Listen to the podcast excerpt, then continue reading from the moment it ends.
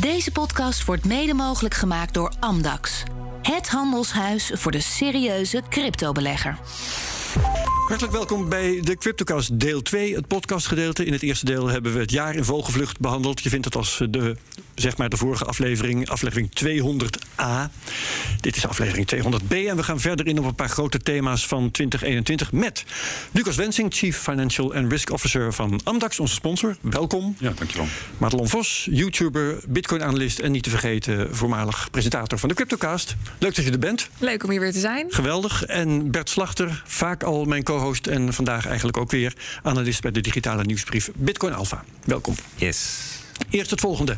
De cryptomarkt professionaliseert. Veel particuliere, zakelijke en institutionele beleggers nemen nu cryptovaluta op in hun portfolio. En toch wordt het cryptodomein vaak nog gezien als een anoniem online gebeuren. Voor Amdax is het juist volkomen persoonlijk. Niet waar, Lucas? Ja, ik ben blij ik er niet zelf te zeggen. Dit, Juist. eh, zijn niet zwarte dingen. Cryptovaluta opslaan, verhandelen of het beheer van je cryptovermogen volledig uit handen geven. Amdax is er voor de serieuze cryptobelegger die zijn portefeuille wil onderbrengen bij een veilige professionele partij. Bij deze. En dan gaan we het hebben over El Salvador. Want El Salvador eh, zorgde ja, eigenlijk wel voor sensatie in 2021. Ze maakten eh, Bitcoin op 7 september een wettig betaalmiddel. En ik wil wel eens van jullie horen. ehm, hoe je dat voor het eerst gehoord hebt. En ik denk dat jouw verhaal het meest interessant is, Madelon. Want jij was in Miami. Ja, dat klopt. We waren bij eh, de Bitcoin Conference in Miami. En eh, dan moet je je voorstellen dat je daar twee dagen lang rondloopt op een eh, congresveld met allemaal verschillende soorten sprekers. Van de Winkelvosbroers tot Caitlin Long. Van alles en nog wat kwam voorbij. De pompjes. En op een gegeven moment wordt er een beetje in de zaal wat, wat rumoer rondgefluisterd. Jack Mallers komt zo meteen op het podium. En die gaat iets bijzonders be- Ja. vertellen. Jack Mellers van eh, Strike. Van Strike, inderdaad. En we waren al helemaal murf van eh, het acht uur achter elkaar in die zaal zitten. en ook niet niks. de fire marshals waren boos, omdat op een gegeven moment iedereen met z'n allen die zaal in wilde. Want iedereen wilde horen wat er aan de hand was. En eh, we spraken nog even kort Pieter McCormack. En die zei: Jullie moeten erbij zijn. Dus wij zijn McCormack, podcaster. podcaster inderdaad. En wij zijn steeds verder naar voren geschoven. En op een gegeven moment zaten we vooraan eh, op de zevende rij. En. ehm, Jack Madders kwam eh, het podium op. Dus wij, eh, nou oké, oké. En hij begon een verhaal over inflatie en over geldontwaarding. En eh, nou, op een gegeven moment kwam hij uit op hyperinflatie. Dus ik stoot. Ja, ja, dat weten we nou wel. Precies, stoot Ja. wat. Ja, dit is het verhaal wat ik ook wel vertel. Hè. Kwamen we hier nou voor kijken? En toen zei hij, nou, ik heb, ik heb iets bijzonders te vertellen. En je zag aan hem dat hij zenuwachtig was. Hij was ook de hele tijd zo aan het doen. Op een gegeven moment dachten we zelfs, heeft hij drugs gebruikt of zo? Wat is er aan de hand? En zijn ouders zaten er ook voor hem. En hij keek vaak, vaak in de ogen van zijn ouders. En op gegeven moment zag je dat hij rood aanliep. En eh, hij kreeg tranen in zijn ogen. Hij zei, ja, ik, ik ga wat vertellen. En eh, ik wil laten zien eh, wat, wat er nu aankomt.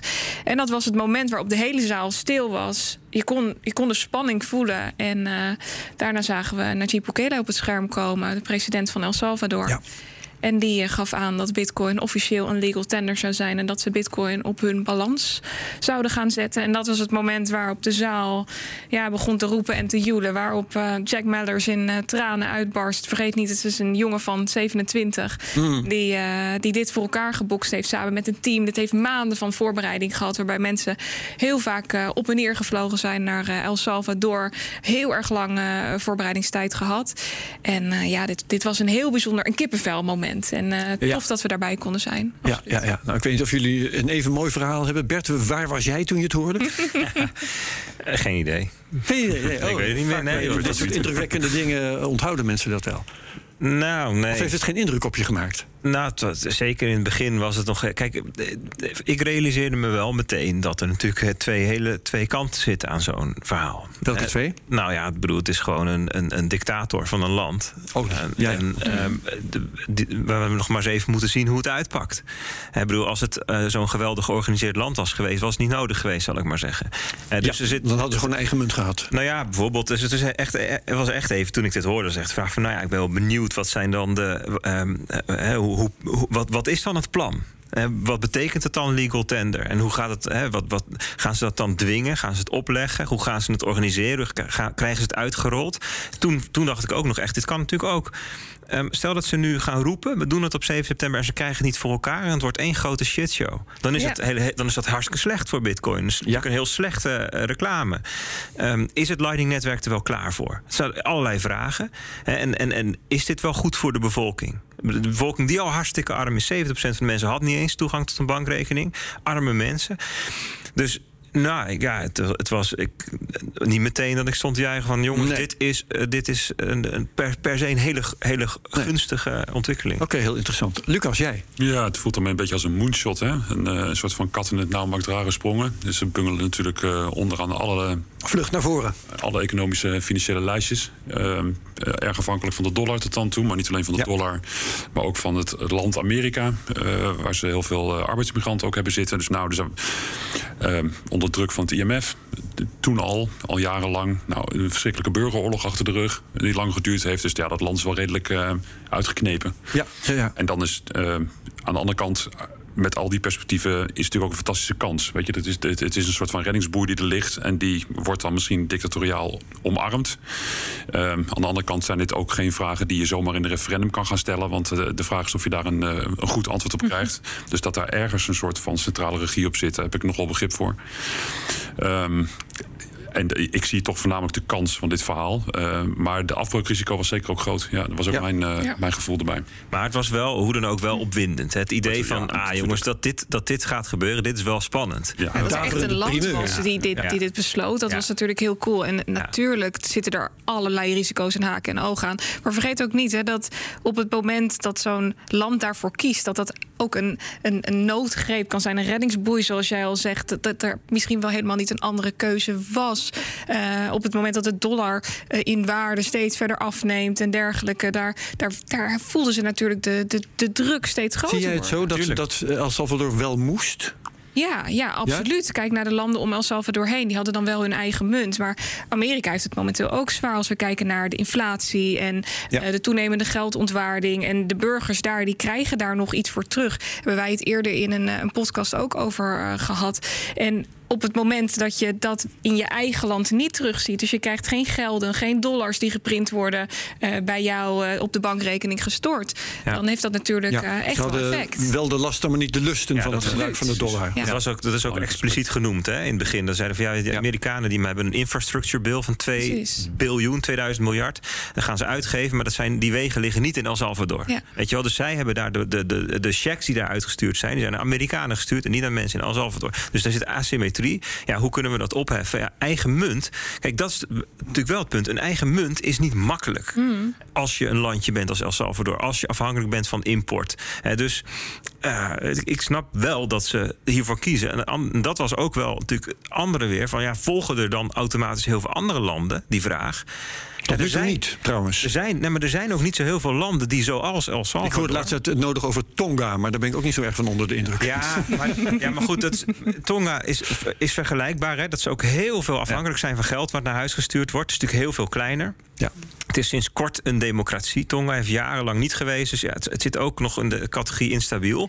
Maar er zijn maar heel weinig andere landen die ook daadwerkelijk de dollar hebben als, als enige munt nu. Ja. Hè, Maar dus, vergeet ook niet dat los van hè, het, het hele dollarverhaal... je hiermee ook een unieke positie voor jezelf eh, neerzet... als we kijken naar de wereldeconomie en alle eh, slimme koppen... die met bitcoin bezig zijn. Eh, alleen al enkel belastingtechnisch hebben ze...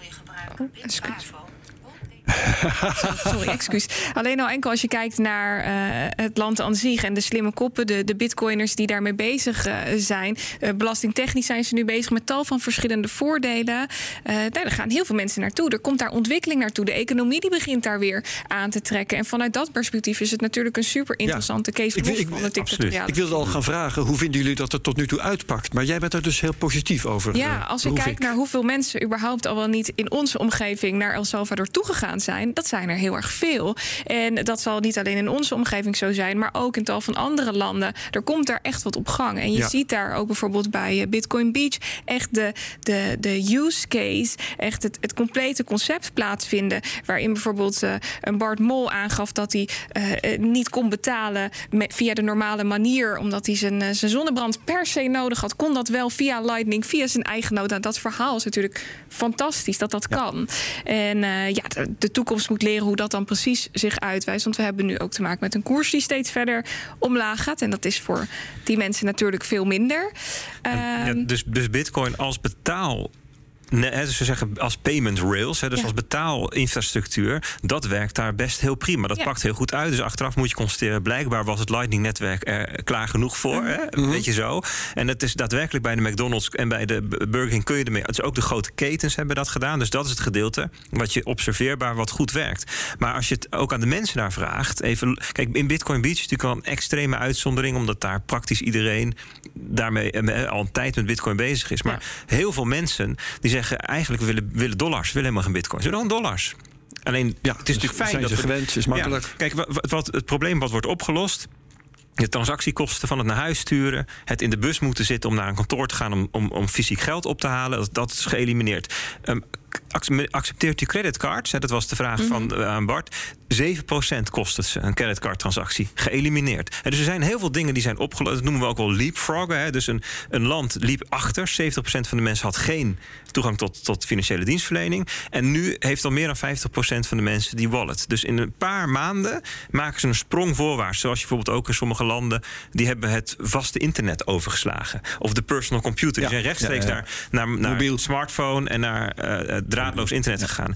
En dus Maar zijn er cijfers over hoeveel eh, bitcoin nu werk, eh, bitcoin betalingen werkelijk gebruikt wordt in El Salvador? Daar, daar, heb ik een tijdje terug een statistiekje van gezien. Dat vond ik verbazingwekkend. eh, hoog. Alleen dat waren, dat waren transacties. En het is maar de vraag, en dat heb ik nog niet gezien... hoeveel daarvan daadwerkelijk bitcoin is... en hoeveel eigenlijk digitale dollar. Want mijn verwachting, mijn vermoeden, mijn hypothese is... dat eigenlijk de meeste mensen daar geïnteresseerd zijn in digitale dollars...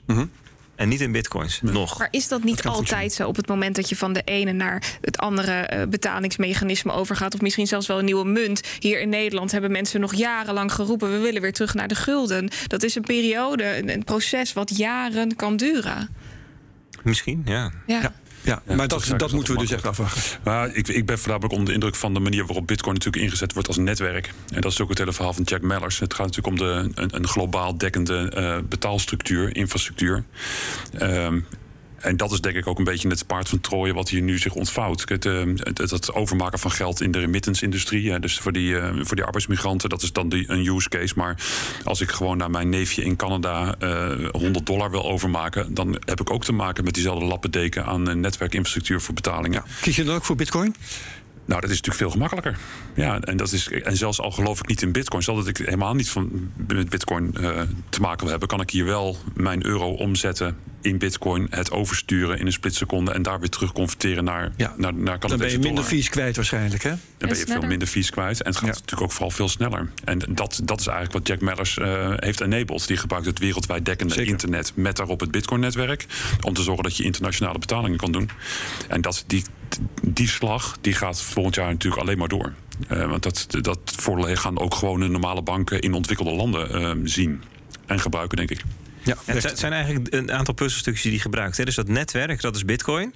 Maar hij gebruikt dus ook het feit dat er in, eigenlijk in elk land... een extreem liquide eh, handelsmogelijkheid is tussen de lokale munt en bitcoin. Waardoor je extreem gunstige wisselkoersen krijgt. Dus je kan van elke valuta naar elke valuta sturen via bitcoin... door het puzzelstukje Lightning-netwerk...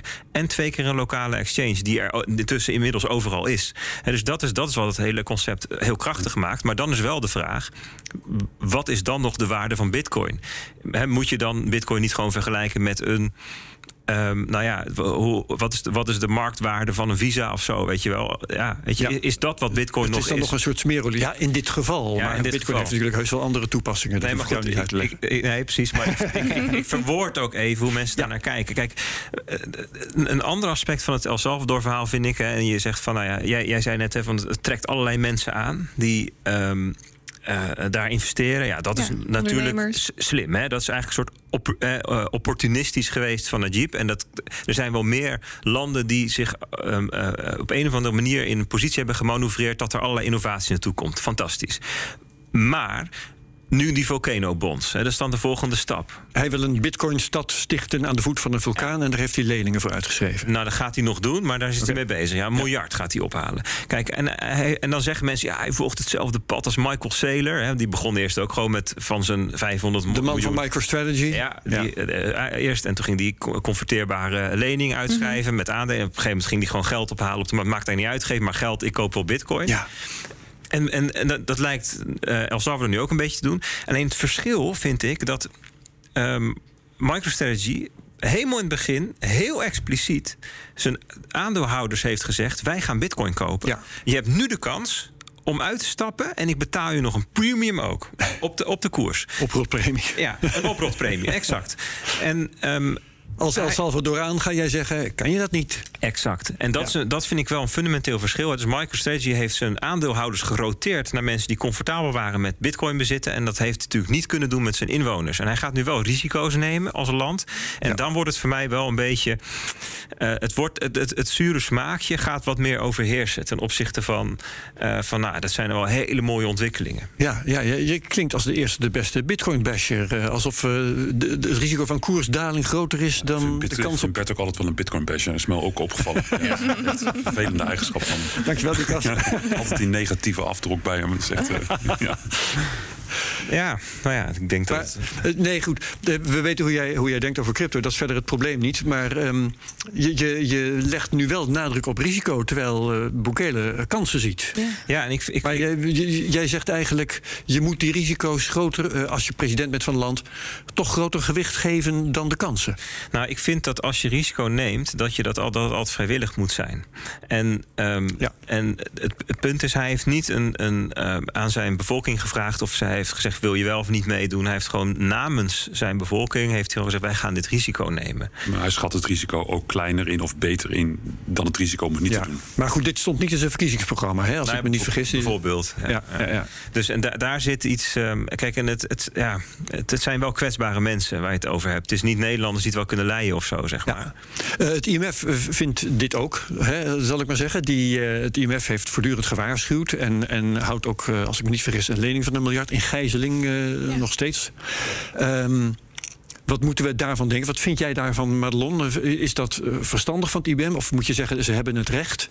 Of is dat, ehm, is dat ch- chantage? Nou, als je nog één stapje terug gaat, vanuit wat perspectief is het misschien zelfs wel het indekken van risico? Want op het moment dat het IMF zegt: kom maar terug met die, met die miljard aan, aan lening die uitstaat, dan heb je dus een heel groot probleem. Ja. En dan is het fijn als er iets daarnaast klaar staat, wat je door de Bitcoin-community in deze zou kunnen laten oplossen. Oh, nou, nou refereer je weer aan die lening die ze willen uitschrijven voor. Absoluut. Ik denk dat daar stad, eh, een, koppeling tussen, tussen zit. En logisch dat het IMF hier het een en ander van vindt. Het is natuurlijk, eh, de, de, de dingen die Bert net ook al heeft gezegd, zijn natuurlijk een enorm, enorm risico. Maar aan de andere kant willen zij dit doorzetten. En als het IMF kiest om die lening terug te vorderen, dan hebben ze een plan B, om het maar zo te zeggen. Ja, maar ehm, mijn vraag was eigenlijk naar wat, wat vind jij van de houding van het IMF? Ehm, he- heeft het IMF gelijk met, eh, nou, eigenlijk zegt het IMF dingen die niet zo erg ver afstaan van wat Bert net zegt.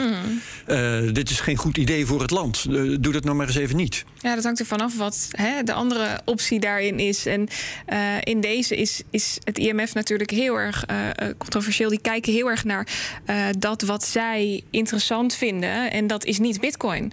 Dus zij zullen altijd risicomijdend blijven hierin. En het is logisch dat ze dat roepen. Het is logisch dat ervoor gewaarschuwd wordt.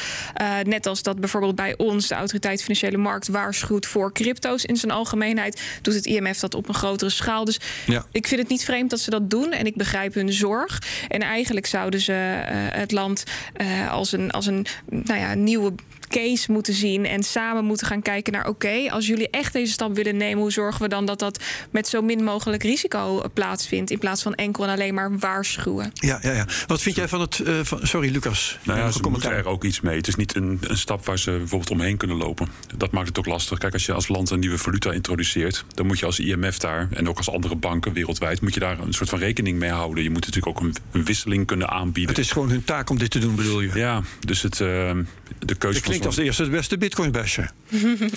nee, maar het heeft gewoon, het heeft gewoon grote consequenties ja. voor het IMF en ook alle omringende landen. En dat, uh, nou, dat je daar dan voorzichtig mee bent en de, geen zin hebt in proefballonnetjes op dat gebied, dat snap ik ook alweer. Ja, ja, ja oké, okay, helder. Ja. Um, gezonde uh, skepsis. Um, eens even kijken. Wat ik van jou wilde weten, Madelon, omdat jij, nou, je bent in elk geval op dat continent pas nog geweest.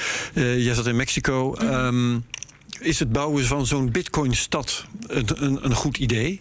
Het gaat natuurlijk ook wel weer heel ver om meteen maar eens even een, een stad uit de grond te zetten. En wat, wat is een Bitcoin-stad? Wat moet ik me daarbij voorstellen? Ja, dat hangt compleet af van de context natuurlijk. Als ja. we bijvoorbeeld naar Miami zouden kijken, dan zien we dat daar heel veel uh, Amerikaanse bedrijven nu oprukken die allemaal wat met, uh, met Bitcoin en crypto willen gaan doen. Omdat daar een burgemeester zit die pro-Bitcoin is. Precies. En van New York willen ze ook een Bitcoin-stad gaan maken. En in zulke verhaal, ja. Uh, ja, volledig developed steden is dat natuurlijk veel interessanter. En ook wanneer je ziet dat een burgemeester uh, natuurlijk gekozen is door het volk. Dat is in dit geval niet zo. Dus ja, een bitcoin. Nou ja, Bukele is toch ook gekozen door het volk? Absoluut. Maar dit, deze, deze regels die zijn door Bukele gebracht op het moment dat hij al ja, gekozen wat ik was. zeg, het stond niet in zijn programma. Precies, Ja, terwijl klopt. als we kijken naar de mayor in New York... die is echt gekozen naar aanleiding van het verkiezingsprogramma... dat hij met bitcoin wat wilde gaan doen in zijn stad. En dat is echt een andere situatie dan dat we in El Salvador zien. Dus dat hangt die- in mijn optiek van de context af. Die stad hebben de Salvadoranen zelf dan weer niet zoveel last van. Dus het feit dat Bukele de mogelijkheid geeft aan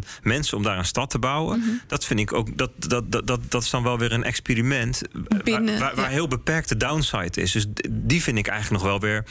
Hè, daar, zit, daar, zit, daar zit dat ethische randje, rouwrandje niet zo aan. Ja, je kan zelf kiezen om daar Ja, te gaan wonen, ja, bedoel precies. je? Ja, absoluut. En als dat heel succesvol wordt, dan zullen de Salvadoranen daarvan profiteren. Mhm. En Want bedoel, de belastingen zijn laag, maar nog wel gewoon 10%. En dat is voor hun waarschijnlijk grote bedragen. Ja. En Ja. de infrastructuur van het land wordt er beter van. Dus op zich, dat experiment, dat, dat vind ik dan wel weer... Ja, het is allemaal heel subtiel, eh, Erwin. Het is- Ja, nee, het is heel spannend. Maar eh, ik ga het hier afronden. We, we moeten heel veel dingen afwachten. Eerst moeten we afwachten of, of die eh, lening eh, lekker wordt volgeschreven. Daarna moeten we afwachten of die stad er ook echt komt. En vervolgens moeten we afwachten hoe die stad gaat functioneren. Dat is natuurlijk allemaal eh, een hele keten van gebeurtenissen met allemaal onzekerheden daarin. Nu ja. Ehm, laten we het gaan hebben over regelgeving. En dan eh, hebben we het over Nederland. Eh, want ja. DNB heeft eh, eh, een registratieprocedure eh, op touw gezet. Eh, registratie slash vergunning, allemaal ingewikkeld. Lucas, jouw bedrijf Amdax was het eerste bedrijf dat zo'n registratie kreeg. Ehm, er is tussen wel allerlei verschil van mening tussen de branche, de, de Verenigde Nederlandse Bitcoinbedrijven in Nederland en de Nederlandse Bank. Er is ook een proces ge- geweest Ja. eh, in gang gezet door Bitonic. Ehm, hoe kijk jij tegen die gang van zaken aan? Bitonic vond eh, het onredelijk dat er ehm, eh, allerlei controles moesten zijn op de identiteit van mensen en ook op, eh, of, op de vraag of eh, rekeningen waarheen zij bitcoins wilden overmaken, of die wel echt van dezelfde mensen waren. Ja, de wallet verificatie Heel eis. ingewikkeld, een ja. mooi Nederlands woord te gebruiken, ja. Ja, wat vind ik nou van dat... eh, kijk, we zitten natuurlijk toch een beetje met de poot op tafel eind van het jaar. Wat is er in 21 allemaal gebeurd? Ja. Ehm, ja, ik vind dat die, de regelgeving die er nu is, misschien niet helemaal het doel bereikt heeft wat destijds gehoopt was. Hè. Er waren een partij of 50, 60 die eh, potentieel in die aanvraagprocedure terecht zouden komen. Ja. Nou, er zijn er nu een kleine 20 eh, doorheen. Die zijn er ook al eh, geruime tijd doorheen. En er gebeurt daar op dat gebied niet zoveel meer. Dus ik, ik zie niet een enorme groei van nieuwe Nee, Bitcoin-bedrijven. dus veel te weinig registraties eigenlijk. Daardoor zijn de kosten veel te hoog. Ja, weinig registratie, Per ook, ook, ook weinig nieuwe in aanwas. Ik zie ook niet Ja. zoveel ontstaan op dit moment. Dus er vindt door de regelgeving in ieder geval een bepaalde vorm van consolidatie plaats. Er zijn minder partijen op de markt actief. Is dat gunstig? Nou, dat is gunstig voor de partijen die actief zijn. Eh, Eh, behalve dus dat ze eh, de kosten met een, een veel kleiner aantal partijen moeten dragen. Ja, maar het, kijk, toezicht gaat niet over kosten. Kosten is een effect van toezicht. Hè? En het, het, het toezicht geeft vertrouwen in de markt en kwaliteit. Dat zijn de belangrijkste redenen. En ik denk dat daar Nederland heel erg bij geholpen is. En ik merk dat ook aan de. Ja, we zitten natuurlijk op een iets ander, ander segment dan misschien andere cryptopartijen. Maar ik merk dat dat vertrouwen en dat, dat stempel van kwaliteit, of in ieder geval toezicht, dat helpt enorm in het toegang verschaffen voor mensen die anders niet durven. Mhm. En dat zal je op consumentenniveau hebben. En dat zien we ook op het wat meer institutionele niveau of het, uh, het vermogende deel. Dus ik vind het toezicht uh, omarm ik. En dat toezicht geld kost en dat, nieuwe, dat er een nieuwe een nieuw toezichtssysteem ontstaat. waarin zowel de aanbieder als de toezichthouder zelf moet leren. En dat dat wat extra drempels opwerpt. Ja, daar heb ik wel begrip voor. Ja, maar wat, wat, wat vervelend is, en dan praat ik even als, uh, als consument, als klant van. Ik ben klant van diverse cryptobedrijven. Uh, als ik bij cryptobedrijf X een rekening heb en ik wil uh, crypto overmaken naar een andere rekening. dan moet ik bewijzen dat die andere rekening waar ik geld naar wil overmaken, dat die van mij is. Uh, stel je toch ja. voor dat ING of ABN AMRO uh, uh, dat zou eisen, of Rabo... je mag alleen geld overmaken naar een rekening bij een andere partij... die van jou zelf is. Op die manier kun je geen geldverkeer hebben. Dus dat is een hele rare eis. Mm -hmm.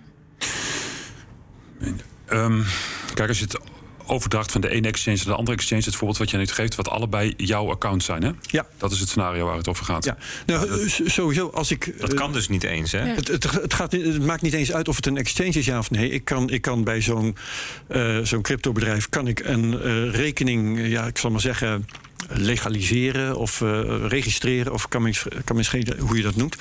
Maar wat voor rekening het ook is, of het nou een, een bitcoin-rekening is van Albert Heijn of eentje van een exchange. Ik moet uh, laten zien dat die van mij is. Dus Albert Heijn kan niet eens. Ja, volgens mij is dat, volgens mij is dat niet per se zo. Je kan natuurlijk best wel geld, crypto overmaken van mijn rekening naar de rekening van een ander. Uh, alleen je moet wel weten wie die ander is of van wie die rekening is. Het is een beetje hetzelfde als dat je met een bank een transactie doet. Ja, ik ben een paar keer door de procedure heen uh, geweest en ik moet die rekening laten zien en een screenshot ja, en mijn eigen identiteitsbewijs daarbij. Dus ik moet laten zien dat het, ja, dat, dat het een rekening dat, is van kunnen, mij. Dat die implementatie zo is, maar in de WWF WFT staat niet dat je geen crypto mag overmaken van jezelf naar een ander. Dat is natuurlijk dat is niet de beperking die is opgenomen.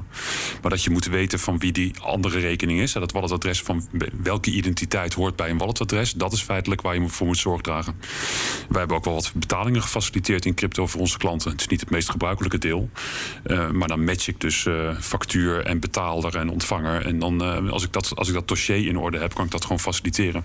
Ja. Dus um, volgens mij is dat, is dat een veel genuanceerdere discussie dan dat je alleen maar crypto in je eigen wallet mag hebben. Dit hangt af van de exchange of de broker en de eisen die zij precies. Ja. En de Verschillende bedrijven interpreteren dat anders, wil je zeggen. Klopt, ja, want ik weet ja. dat bij Bitonic dit in de eerste instantie ook het geval was en dat zij dit hebben kunnen loslaten nadat zij de rechtszaak uh, gewonnen Na die rechtszaak. hebben. Dus dat hangt echt van de implementatie af. En ik weet dat er inderdaad exchanges zijn die in Nederland die ervoor kiezen om dat nog steeds wel te doen. En dat is voor hun een stuk gemakkelijker, omdat daar minder betaalverkeer wordt gefaciliteerd, simpel gezegd omdat daar alleen maar transacties plaatsvinden. Of zoveel mogelijk transacties plaatsvinden naar eigen wallet. Je bedoelt dat ze gewoon iets minder, iets minder zin hebben in die, uh, die transacties. Om, om daar Absoluut, mee omdat, bezig te zijn. Omdat het voornamelijk de mensen zijn die handelen. En niet zozeer betalingen doen via een exchange. Nee, betaling ja. is bij ons natuurlijk ook niet het belangrijkste onderdeel. De nee, nee, nee. De investering dat is duidelijk. Ja. Ik zou het, ik zou het ook wel een ander gesprek vinden als het daadwerkelijk iets oplost. Uh, stel dat je daadwerkelijk hiermee zegt van nou, dit zorgt er nou voor dat we 90% van de criminaliteit uitroeien. Weet je?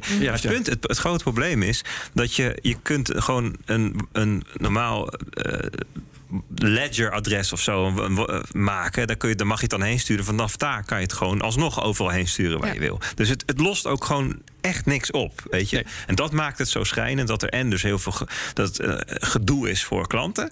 Want inderdaad, als je iets van... En gedoe voor de bedrijven. Dat zeg iets van Bit, Bitfavo naar BTC Direct wil sturen, hè, om even twee ja, te noemen. Ja, ja. dan, dat kan dus niet zo. Dan moet je het eerst naar je eigen wallet en dan door. Weet je, ah, man, ja, of, of, na, of naar een wallet bij een buitenlandse... voorschrijft. Dat is toch wel een belangrijk verschil. Het is niet dat de, dat de WWFT voor crypto zegt dat je niet van exchange naar exchange mag. Dat is, dat is niet het geval. Maar de implementatievorm maakt nu dat er allerlei consumentenbeperkingen zijn. In ieder geval is het zo dat, dat uh, veel cryptobedrijven zich uh, genoodzaakt hebben gezien om het zo in te richten. En dan weet ik niet uh, of. Dat doen wij dus niet. Maar goed, ik nee, heb ook een ja. heel andere hoeveelheid klanten. Hè. Ja, ja, dus ja, dat, en dan kan je daar anders mee omgaan. Oké, okay. um, laten we het eens hebben over hoe het is voor cryptobedrijven. En daar heb jij zelf ervaring mee, Madelon. Hè? Want jij kunt met jouw bedrijf, ook al ben je niet eens een exchange, je kunt volgens mij niet eens een bankrekening krijgen. Uh, nou, ik denk dat je het nu hebt over het feit dat ik zakelijk uh, geen crypto mag kopen. Daar doe jij op. Dat, was, uh, dat is wat de Rabo. Um, uh, ja, dat is wat de Rabobank vindt. Ik zit zelf bij ja. uh, KNAP. En daar kreeg ik onlangs een bericht van dat ik opnieuw mijn gegevens bij hun moest deponeren. We moesten opnieuw de procedure in. Okay, dus je bent niet een van de partijen die geen crypto-rekening. Sorry, die geen rekening kan krijgen omdat ze zich met crypto bezighouden. Nee, ik had al een rekening. Ja. Maar het verhaal is als volgt. zij zeiden op een gegeven moment: er zijn gelden die naar jouw rekening vloeien vanuit beurzen, exchanges, waar wij mee samenwerken als partner voor het YouTube-kanaal onder andere. En we willen weten of dat afkomstig is van zakelijke koop en verkoop van cryptomunten. Uh, dus was uh, de vraag van hun: kun jij dit hard maken dat het niet het geval is en dat het enkel gaat om sponsorgeld, uh, om het maar zo te zeggen, partnership fees. En toen moest ik letterlijk mijn boekhouding bij de bank aanleveren om te laten zien dat het, het inderdaad niet ging om zakelijke koop en verkoop van cryptomunten, want dat was verboden bij uh, Knapbank en bij Rabobank is dat precies hetzelfde. Ik heb de boekhouding aangegeven. daarna hebben zij een aantal weken onderzoek gedaan. op het moment dat ik dit niet deed, werd gelijk binnen vijf dagen mijn bankrekening geblokkeerd. Zo. En dan heb je echt wel een, een fors probleem. Uh, daarna kreeg ik nog een mail met dat alles goed was. Dus je hebt echt een pistool op de borst. Uh, Zeker weten. Ja, alles ja, was ja. goed. Maar op het moment dat ik één op één crypto advies zou gaan geven, dan zouden ze de uh, relatie die ze met mij hebben opnieuw heroverwegen. Dus ik heb teruggemaild dat ik opnieuw mijn relatie met hun overweeg naar aanleiding van hun mail. Dus we zijn inmiddels naar een. Waar is daarvan onder indruk, Madelon? Uh, dat weet ik niet. Ik heb, geen, uh, ik heb geen mail meer terug gehad. Maar ik vind niet dat dit is hoe je met een, uh, een klantrelatie nee, om moet gaan. We hebben daar met onze klanten ook veel last van. Zeker het Rabobank scenario. We hebben veel klanten die zakelijk bij ons bitcoin kopen. En dus met die Rabo-transactieproblematiek nu te maken krijgen. Ja, ja. ja dat is natuurlijk heel raar. Kijk, wij zijn een, kijk dat je er een algemene stelling van maakt van alles buiten Nederlands toezicht. Daar hebben we moeite mee met crypto. Nou, daar kan ik, daar kan ik iets van vinden. Daar kan je ook iets bij, zelf bij vinden. Maar als je nou een transactie doet naar een onder Nederlands toezichtstaand instituut. Ja, door DNB uh, toezicht. Ja, als je dan zegt, nou als bank uh, vinden we dat een te groot risico. Dat, daar sta ik geen transactie naar uh, toe. Uh, daar sta ik niet toe. Dat vind ik, dat vind ik een hele rare houding. Kan je, ook ja. niet, zo goed, kan je niet zo goed onderbouwen in mijn ogen. Ja.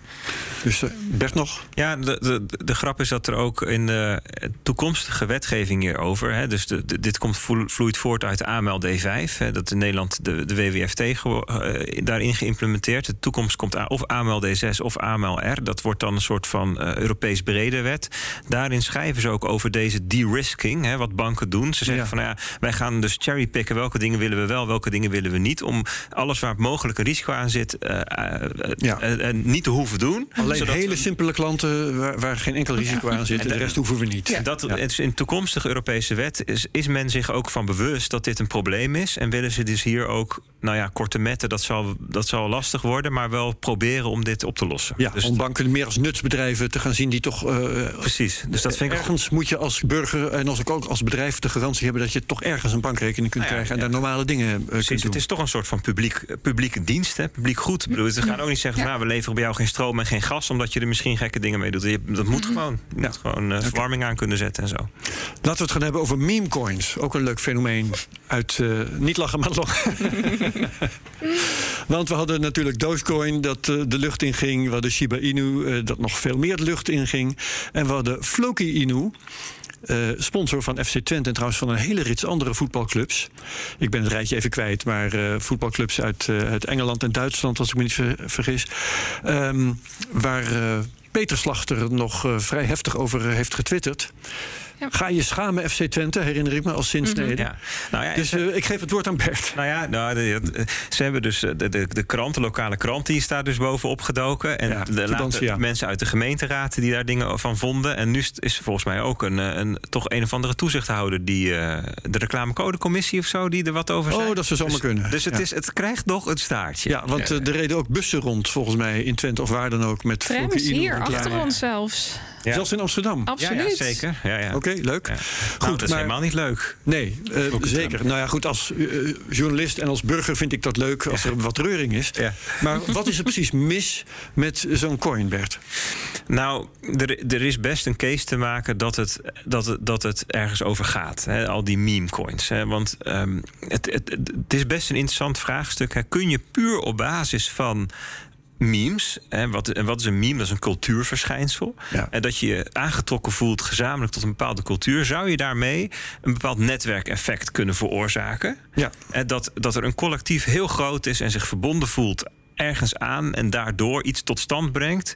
Een verankering ergens in een economie, in de maatschappij, in, in bedrijvigheid. En dat daar iets uit Dat voortkomt. is ook echt wat gaat voorstellen. een soort van min of, Ja. eh, min of meer een soort van. eh, Uiteindelijk heeft Bitcoin zich ook op die manier uit het moeras omhoog getrokken. nou, wel, wel anders dan zo. Hè, want daar zat natuurlijk niet een groepje mensen achter. Weet nee, je nee, wel. geen reclamecampagne. Ja. Influencers. Nee, Dat klopt. Precies. Dus, dus, dus de, dat, dat is zeg maar eigenlijk de, de, de manier waarop je, waarop je kan zeggen: nou, dit, dit is misschien interessant. En, en vrijwel alle andere manieren waarop je naar kan kijken, die zijn heel negatief.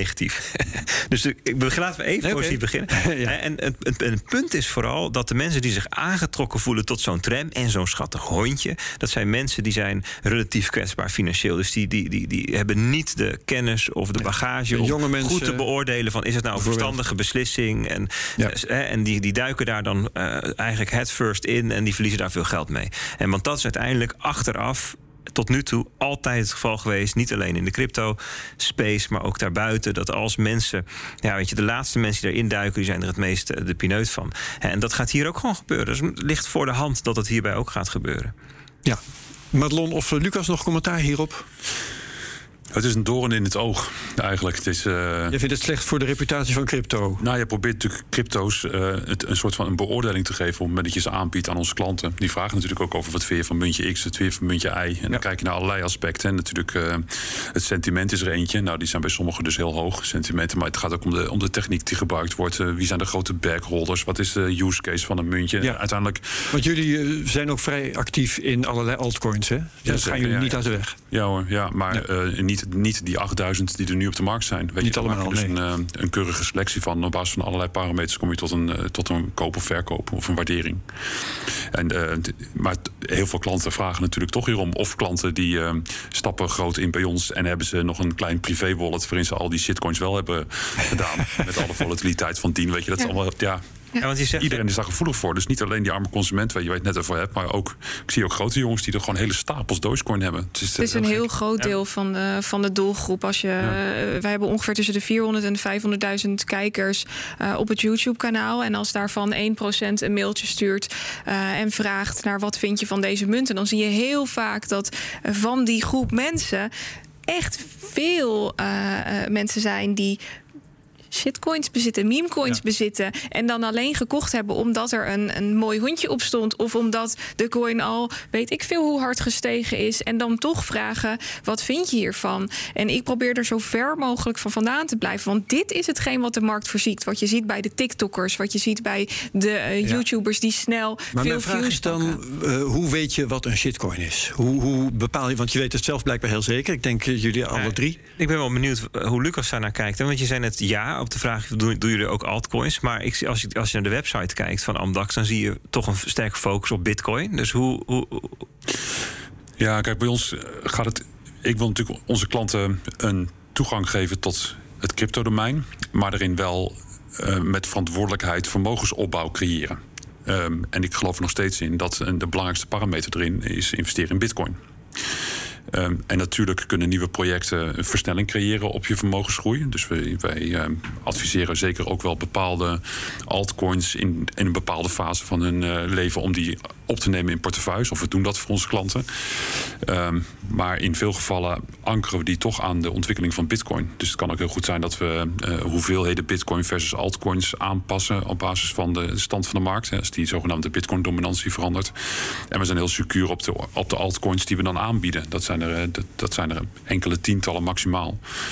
En dat eh, zijn dan ook in beperkte hoeveelheden. En we zijn heel Maar kun jij zeggen en wat bepaalt of iets een shitcoin is? Nou ja, wat ik, ik gaf net al een klein inkijkje. Je kijkt naar verschillende parameters die een Ja, kwaliteit van Ja, ja. bepalen. Dus een sentiment, eh, use case, techniek, board. eh nou, het Decentralisatie. Het team, team wat erachter zit. Dus market cap is ook wel een belangrijke. ja. ja, en, En, en, makkelijk en beïnvloedbaar. als het gaat om Floki, dan wordt, werd dan gezegd van ja, dit, eh, nou ja, jij zei het net zelf ook al, Bert. eh, het, het, de, de, de market cap komt eigenlijk tot stand door reclame, door een Ja. marketingcampagne. Een heel groot gedeelte van die tokens is gewoon in bezit van een, van een paar adressen. Hè. Dat, Dat is ook een rode vlag. ja, tuurlijk. Ja, ja. dat Absoluut. Nou, is dat bij Bitcoin niet ook zo? Nee, dus een heel ander type verdeling. Als je die, Ja. Nou ja, goed, maar dat is... de ja. Bitcoin is er ook al best heel erg te debatteren over hoe Bitcoin dat is ook verdeeld van is. niemand, hè? Ja. Dat maakt natuurlijk ook echt wel uit. Het is niet van een of andere management. Nee, de, de eh, coin team. zelf is opgericht door een, eh, door een bedrijf, bedoel je? Ja, In kijk, al die geval. dat hebben al die altcoins natuurlijk. Dus dat is een, een, een belangrijk onderdeel van de risicokwalificatie. Door wie is nou eigenlijk opgericht? Wat is de bedoeling en de bedoeling van die groep of die individuen? Ja. En wat is hun exit-strategie? De rugpool wil je natuurlijk ook voorkomen. Ja, precies. Dat het tapijt onder je vandaan wordt getrokken. Ja, ja. oké. Ehm, laten we het ook nog even hebben over plan B. Want eh, in eh, de voorafgaande radio-uitzending van deze 200ste CryptoCast hebben we het over de 100.000 gehad. Ehm, maar we hebben natuurlijk ook nog het geval van plan B, die voor eh, 2021 een, even kijken, uiteindelijk een, een slotkoers van worst case 135.000 dollar voor de Bitcoin eind december had voorspeld. En hij heeft eh, in de loop van dit jaar heeft hij, eh, eh, gezegd: als in december de 100.000 niet wordt gehaald, dan laat ik mijn model varen. Dat is in feite wat hij heeft gezegd. Dan eet ik mijn hoed op. Ja. Zoiets, nou dat niet letterlijk, maar daar kwam het wel zo'n beetje op neer. En intussen is hij daar per tweet ook weer op teruggekomen. Eh, ik ga het kringetje maar eens even rond, Bert. Hoe hoe beoordeel jij op dit moment het model van plan B?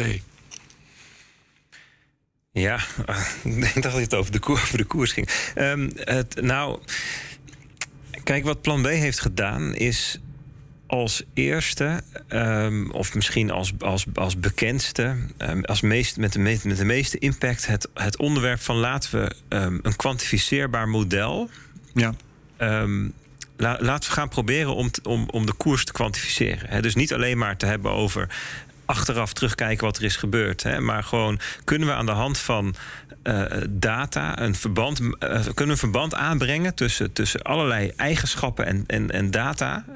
En, en de koers. ja. En En die eigenschappen waren stock to flow. In zijn geval In vergelijking met edele metalen. Precies. In dit, in dit model is dat stock to flow. Hè, dus de verhouding tussen de, de hoeveelheid die er al is en die er jaarlijks bij komt. Ja. En de koers. Maar er zijn natuurlijk allerlei manieren om, om, eh, om kwantificeerbare modellen te maken. En, en dat, dat is daar eigenlijk gestart. Dus eigenlijk een heel, hij heeft dat wel iets in beweging gebracht. Dus, dus dat is er goed aan, zal ik maar Mhm. zeggen. Kijk, in, inmiddels is de consensus onder ehm, econometristen dat, dat er geen bewijs is of geen reden is om hè, geen onderbouwing is dat, er, dat, dat dit daadwerkelijk een geldig model is. Dat zegt niet dat het niet kan kloppen. Dat kan. Je kan ook gewoon een kleuter een lijntje laten tekenen op papier. En achteraf blijkt dat exact de komende twintig jaar van de koersontwikkeling voorspelt. Dat kan. En dus je kunt eh, dat, dat, dat iets dat, dat we niet kunnen onderbouwen en dat we niet weten waarom het werkt. Dat zou kunnen. Dat, misschien, Ja. is het wel van, misschien is het wel precies het verband wat, wat daadwerkelijk is. Maar weten we gewoon niet waarom het zo is. Maar eh, als, je- als jij die kleuter erbij had, dan, dan wil ik dus eigenlijk zeggen... als het eh, nu nog klopt, dan is het toeval. Nee, dat, nee, maar dat weet ik dus niet. Oké. Dat weet ik dus niet. Hè. Dus het enige is wat we weten, is dat, er, dat we niet kunnen onderbouwen waarom eh, dat verband er zou zijn. Hè, waarom het niet een, een, een toevallig verband zou zijn. Maar dan, eh, dus dan probeer ik het anders te vertalen. Eh, wetenschappelijk eh, is eigenlijk wel duidelijk dat dat model geen grond heeft. Ehm, nee, dat dus niet. Het is alleen Ook al niet. wetenschappelijk niet. duidelijk dat het wel grond heeft. Ja, het is heel subtiel. Maar je hebt, er is dus niemand die heeft bewezen dat het, dat, het- dat het het onzin is. Nee. Ja. Juist. En, en, en wat je dan dus nog krijgt, is dat er dus. Hè, dat, de Keynes, hè, die, die, die, die reflecteerde al heel uitgebreid op. Bij financiële markten, bij analyse gaat het er niet alleen om wat jij denkt dat er gaat gebeuren. Hè, de schoonheidswedstrijd van Keynes. Het gaat er niet om als, je, als jou gevraagd wordt van nou welke van deze zes modellen gaat de schoonheidswedstrijd winnen.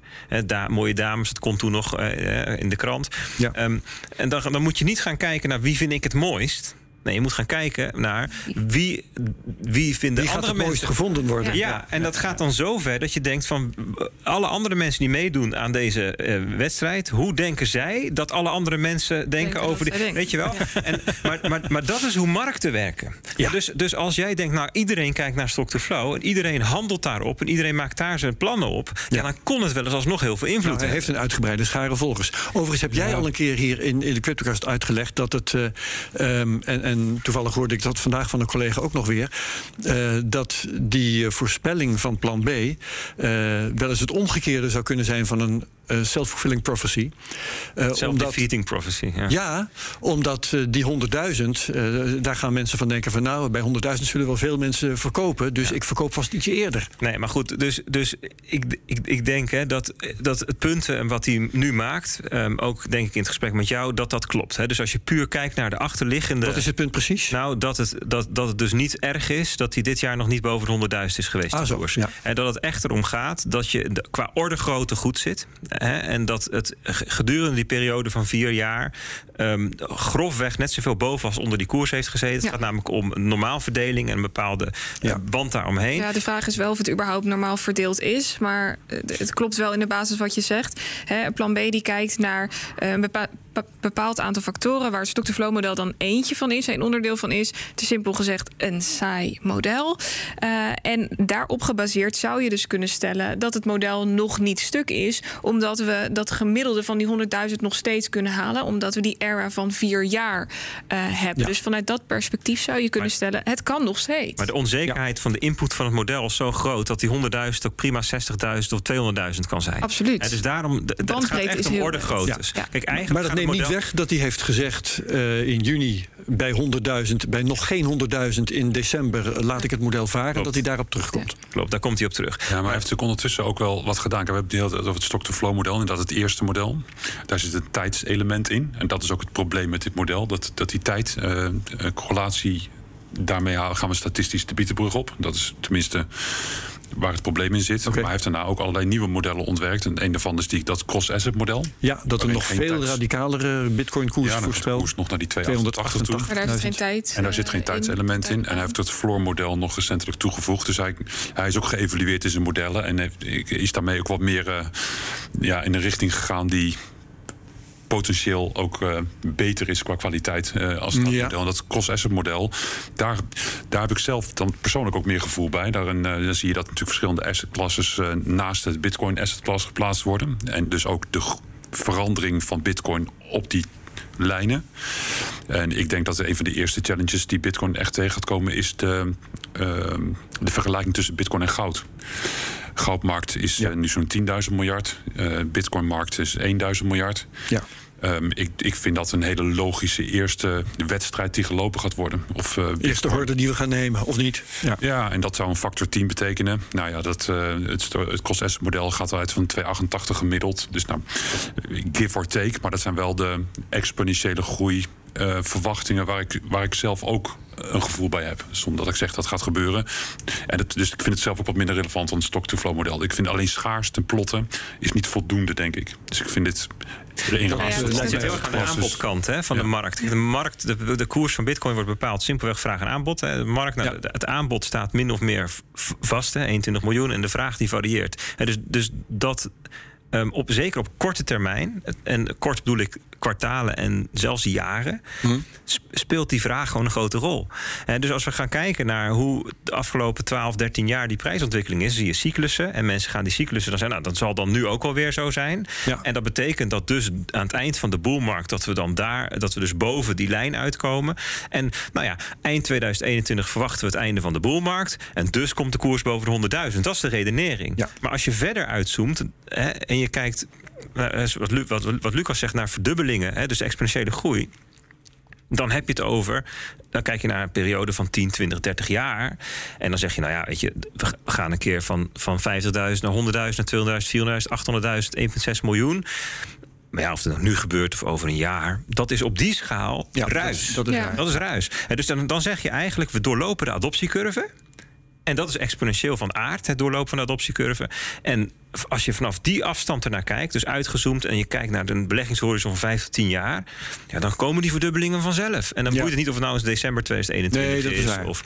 Maar als we het over 2021 hebben, want dat doen we hier, dan wil ik toch wel eens van jullie horen. Uh, wat hadden jullie eigenlijk verwacht? Uh, naar mijn idee was de algemene verwachting toch dat we dit jaar net zo'n wilde piek zouden krijgen. En dan gaat het ook niet om een factor 2 meer of minder hoor, wat mij betreft. Maar toch net zo'n wilde piek uh, in de grafiek als in 2013 en als in 2017.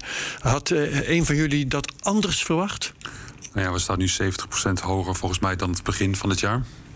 Dus ja, je kan wel zeggen dat het één grote. Ja, maar in, in 2017 bijvoorbeeld was het de factor 20. Ja. Ja, maar ook met een blow-out.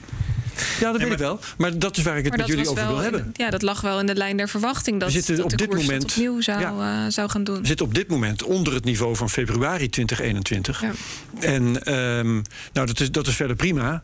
Maar eh, het had net zo makkelijk. Zoals in 2017 had het eh, vijf keer de koers van februari kunnen zijn. En ik denk dat de meeste mensen dat verwacht hadden. Ja, dus wat de mensen hadden verwacht. dus als je dezelfde soort eh, patroon zou zien, dat, dat er dus in toenemende mate door het jaar heen consumenten instromen. Want dat is de karakteristiek van die laatste parabolische fase van de groei.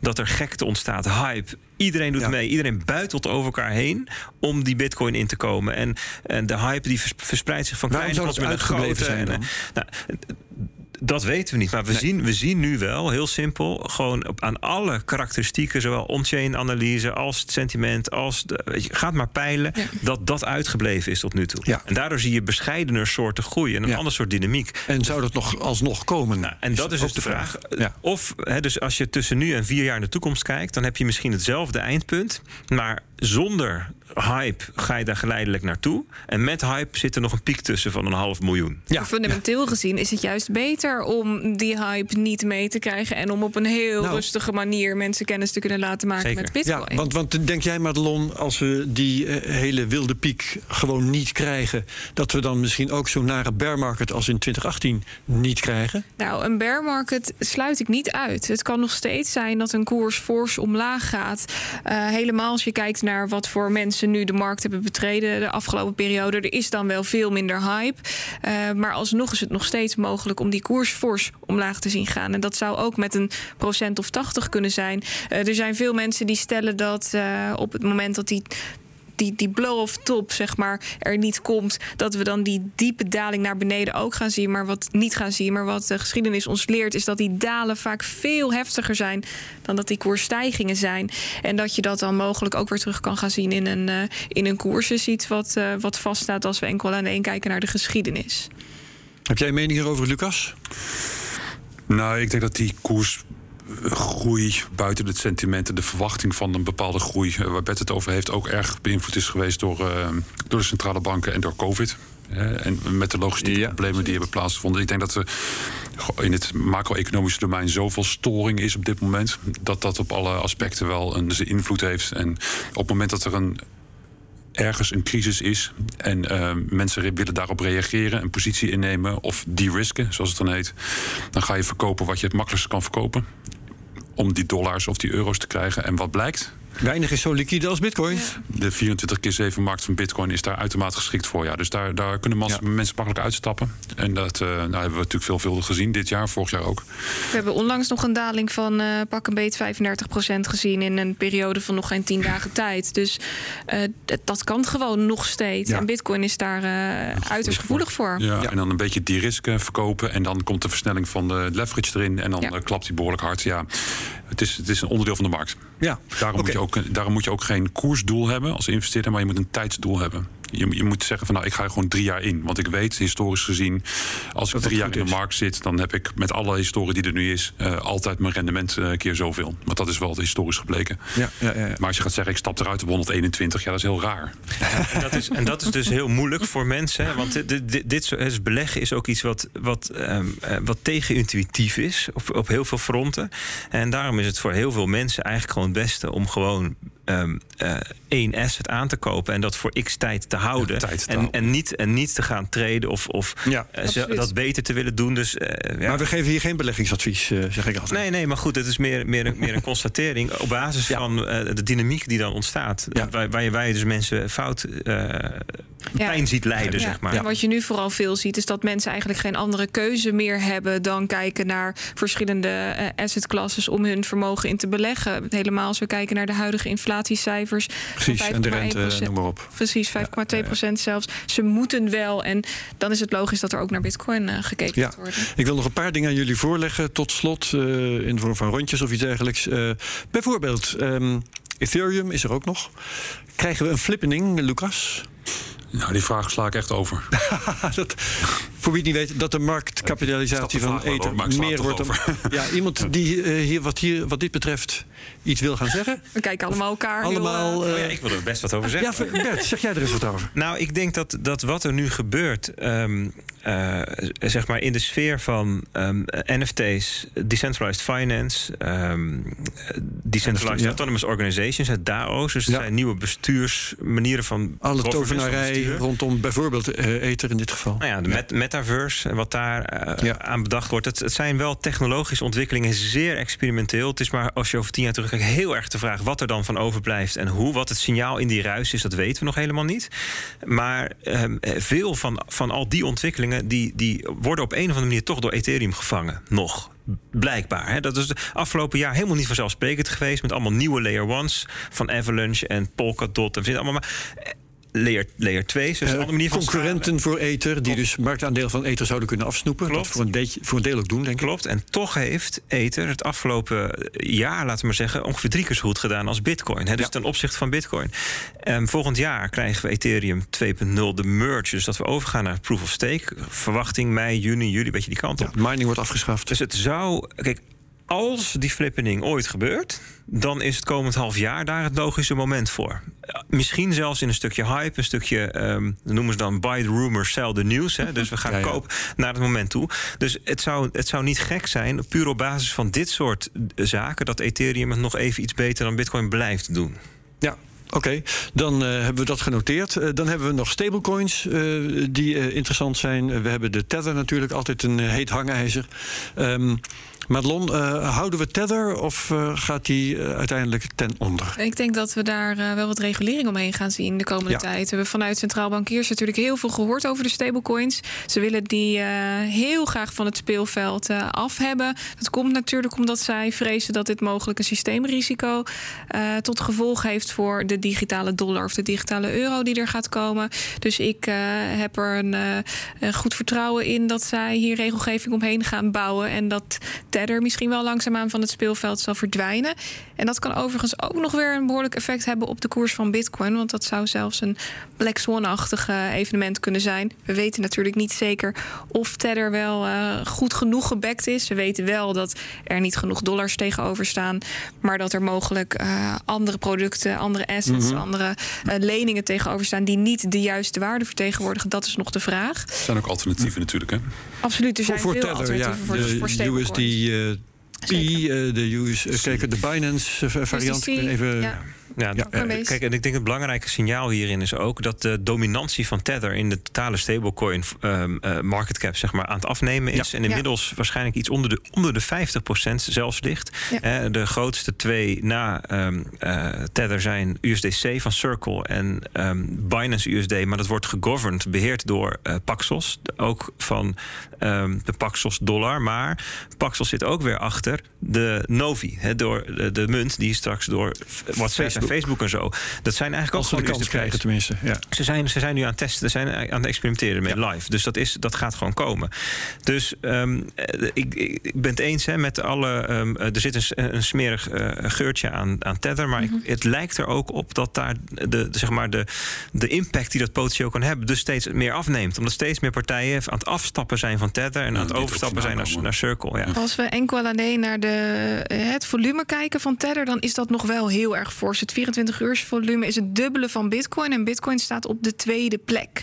Dus Tether staat echt bovenaan met eh, 54 miljard. Dus dat is echt heel, heel veel. Ja, dus dat is, dus is voor traders. Hè, En die zouden dus ook heel makkelijk, heel snel binnen een hele korte tijd naar iets anders kunnen overstappen. Absoluut. Zelfs, zelfs georganiseerd door die handelsplatforms. Ja. Dus, dus dat zit, het risico is daar niet dat er een heleboel mensen dat soort geld in hun, in hun portemonnee hebben en dat er ineens kwijt zijn. Als daar je- wordt steeds vaker USDC voor gebruikt. Als je het in verhouding bekijkt, en dan zou je eh, Binance, eh, hun eigen stablecoin BUSD, eh, pakken als vervanging. Want die staat na naast Tether op de hoogste plek. Maar die doet maar een omzet van bijna 4 miljard. Dus dat is heel weinig in verhouding Ja. tot die Ja, 54. maar het gaat om de omloopsnelheid eigenlijk van het muntje. Absoluut. Dus de market, in market cap ligt die verhouding al veel gunstiger. Mhm. En wat dat betreft vind ik interessant dat, dat Circle, het is bedrijf achter USDC, die verwacht dat er in 2023 alleen al van USDC 190 miljard dollar in omloop is. Dus Hm. dat, is, dat is al al een stuk of zes keer zoveel als wat Ja. ze nu hebben. Maar goed, dat is hun eigen verwachting. Dat is misschien een beetje gekleurd. Nou ja, dat is ook ge- gekleurd door de vraag die zij zien in de markt. En, Mm. en dat, dit komt uit gesprekken die zij met de toezichthouder hebben. Dus dit, is, niet, dit is niet een stukje opschepperij. Dit is waar ze hun waar Nee, ze ze toezicht op willen afstemmen. Ze moeten ook behoorlijk voor organiseren, want ze moeten wel de backing hebben voor die digitale varianten. ja, dus wat, wat ze nu doen is, ze zijn in gesprek met de toezichthouder... Om, om, omdat ze namelijk de vraag stellen aan hun... Vinden jullie, wat willen jullie? Eh, moeten we hier daadwerkelijk cash voor aanhouden? Dus, dus, eh, of, of, of wil je eigenlijk dat de centrale bankreserves gaan aanhouden? Dat, dat, dat, dat- soort vragen Ja. worden nu gesteld. En wat dat betreft ook wel interessant... we hadden het net even over digitaal centrale bankgeld... digitale euro werd genoemd. In Amerika hebben ze zo'n project niet. Er is niet zoiets als de digitale dollar. Nee, dat wou ik net zeggen. Daar gaan stemmen op om de eh, eh, stablecoins die er al zijn uit te roepen tot de digitale dollar. Ja, dus zodat dat- ze zelf niks hoeven te Nou doen. ja, dus, dus dat heel erg onder eh, toezicht te plaatsen. Dus Ja. veel strenger nog dan nu. En dan te zeggen, ja, laat de markt zijn werk maar doen. Ja, dat Heel heel Amerikaans zijn. Precies. Dus, de, dus ik verwacht zelf dat ehm, stablecoins in 2022... en dat we daar heel veel van gaan horen. Allerlei manieren. En je ziet ook algoritmische stablecoins nu sterk groeien. Ehm, dat is heel interessant. Dus het zijn, eh, eigenlijk zou je kunnen zeggen dat zijn stablecoins die niet. Dus dat is een crypto-dollar die niet een dollar als, als dekking heeft, maar andere assets. Hè, dat is eigenlijk hoe dat werkt. En die zou dus, die volgt nu de dollar, maar die zou ook iets anders kunnen volgen. Nou ja, ik wou net zeggen, gaan we nog een, eh, een fatsoenlijke euro-stablecoin zien? Want ze, ze bestaan geloof ik wel, maar je komt ze niet veel tegen. Tether Ja, heeft de heel, weinig eh, liquiditeit erin. Ja. Ja, ja. Gaat dat nog belangrijker worden of niet? Ja, dat is een goede vraag. Weet- Goeie vraag. Wij Ja, zouden, goeie vraag. Ja, wij zouden het wel willen. Eh, zeg maar, eh, eh, als Nederlanders is het natuurlijk fijn ja, dat je. Dat je eh, Ja, Europa loopt natuurlijk op een heleboel gebieden achter. Hè. Ontwikkeling van eh, allerlei crypto-gerelateerde dienstverlening is in Amerika en in Azië veel verder dan in Europa. Er zit natuurlijk ook een stukje regelgeving. eh, Ja, regelgeving in. beperkt dat. Eh, we, we- we wachten met z'n allen op die MICA-regulering. Nou, daar is hier ook wat vaker over gezegd. Ik denk dat de grote, echte internationale spelers daar ook op wachten voordat ze zich naar Europa gaan, eh, eh, met Europa gaan bemoeien. Kijk, als je nu als Coinbase naar Europa wil, dan moet je dus eh, 25 licenties halen. ja. Dat is dus ja. gewoon niet zo handig. Dus ik, ik Je moet eh, voor elk land één of... nou ja, kijk, ik, ik kan met mijn 25 crypto-licentie kan ik niet zogenaamd, zoals het heet, paspoorten naar Duitsland. Nee, ik in nee, Duitsland- nee, Dus dan moet ik daar weer een nieuwe licentie halen. Je kan waarschijnlijk wel vrij snel eh, de hoepels door, maar je moet toch wel heel veel organiseren. En dat zou met Mika eh, opgelost worden. En ik verwacht dus ook dat de echte grote internationale spelers daarop wachten voordat ze zich eh, met Europa gaan bemoeien. Eh, nou, dat geeft kansen voor de partijen die nu actief zijn. Hè? Dus zo, zo zie ik ook het speelveld, zeg maar, tot, eh, tot zo'n beetje 2025. Maar daarin zitten ook dit soort problematieken als die stablecoins komen daar dus ook in terug. Ja, ja. Ja. oké. Ehm, ik eh, ben een beetje door mijn vraag heen. Ik kijk even de kring rond of we nog iets eh, eh, niet hebben besproken... wat jullie heel belangrijk vinden. Nou ja, eh, wat gaat er nou precies in 2022 bege- gebeuren? Nou, dat heb ik in verschillende vormen wel gevraagd. Maar als jij er nog iets daarover wil zeggen, dan ben je welkom. Nou ja, goed, kijk, een echte grote innovatie of zo, daar wordt altijd naar gevraagd. Hè, of je nu even de Black Swan kan voorspellen. Ja, eh, komt er een El Salvador of weet ik het wat? Nou, dat, kan je niet voorspellen, dus dat moeten we ook niet doen. Eh, dat, zal ik ook niet doen. Maar ik denk wel dat mensen versteld zullen staan over de, het effecten van de exponentiële groei. Hè, en we zijn natuurlijk eh, dit, eh, de afgelopen twee jaar eh, versteld gestaan van de exponentiële groei van het COVID-virus. Ja, het is er niet en in één keer is iedereen ziek en liggen de ziekenhuizen vol. Dus mensen kunnen op geen enkele manier iets exponentieels goed voorspellen. Dat, daar zijn wij als mensen gewoon niet zo goed in. En we hebben een exponentiële groei gezien in de cryptomarkt in 2021 die al geleid heeft tot heel veel groei. Maar als je dat exponentiële gedrag doorzet voor 2022, dan zal denk ik ehm, voor iedereen in één keer crypto ontploft zijn. Waar dat in een exponentiële lijn een volstrekt normale eh, groei zal eh, betekenen. Dus ik ben nogal hoopvol hoor voor 22. Ik denk Ja. dat er heel veel, eh, heel veel groei is en heel veel versnelling zal zijn van datgene wat nu al gebeurt. Maar omdat het allemaal exponentieel is, voelt het dan alsof het ontploft. Ja. Madelon? Ja, volgens mij zeggen we elk jaar weer opnieuw. We staan nog aan het begin. En ook nu heb ik dat gevoel eh, weer. Dus eh, we gaan kijken wat 2022 gaat brengen. Bert Slachter? Voor 2021 was het altijd de vraag. Zal Bitcoin het, het halen? Is, is crypto een blijvertje? En ik denk dat 2021 het jaar was dat we met elkaar collectief tot de conclusie kwamen: Bitcoin is here to stay. Is Ja. op zoveel manieren gezegd. En ik denk dat je pas in 2022 gaat zien wat dat betekent op allerlei fronten. Dat het here is to stay. Mooi zo. Dankjewel. Bert Slachter van Bitcoin Alpha. Madelon Vos van zichzelf. Dankjewel. Lucas, Amdax, eh, Lucas Wensing van Amdax. Neem me niet kwalijk. Dit was de CryptoCast nummer 200. was een heel mooi gesprek. Gefeliciteerd daarmee. Ja, dankjewel. En de Cryptocast van volgende week, ja, daar gaan we gewoon door met 201. Ehm, zet die in je agenda. Dan hebben we een gesprek met Stef Martens over het Lightning-netwerk. Rings of Fire. En wat dat dan is, dat leggen we volgende week verder uit. Co-host is dan Bart Bol. Bert Slachter kent hem wel. En als je deze aflevering leuk vond, vergeet hem dan niet te delen met je volgers op Twitter. Gebruik de mention CryptocastNL. Laat reviews achter op Apple Podcasts, want dan kunnen we beter gevonden worden. Like, subscribe en comment op YouTube. Wat mij betreft, dankjewel allemaal en tot volgende week. Dag. Deze podcast wordt mede mogelijk gemaakt door Amdax. Het handelshuis voor de serieuze cryptobelegger.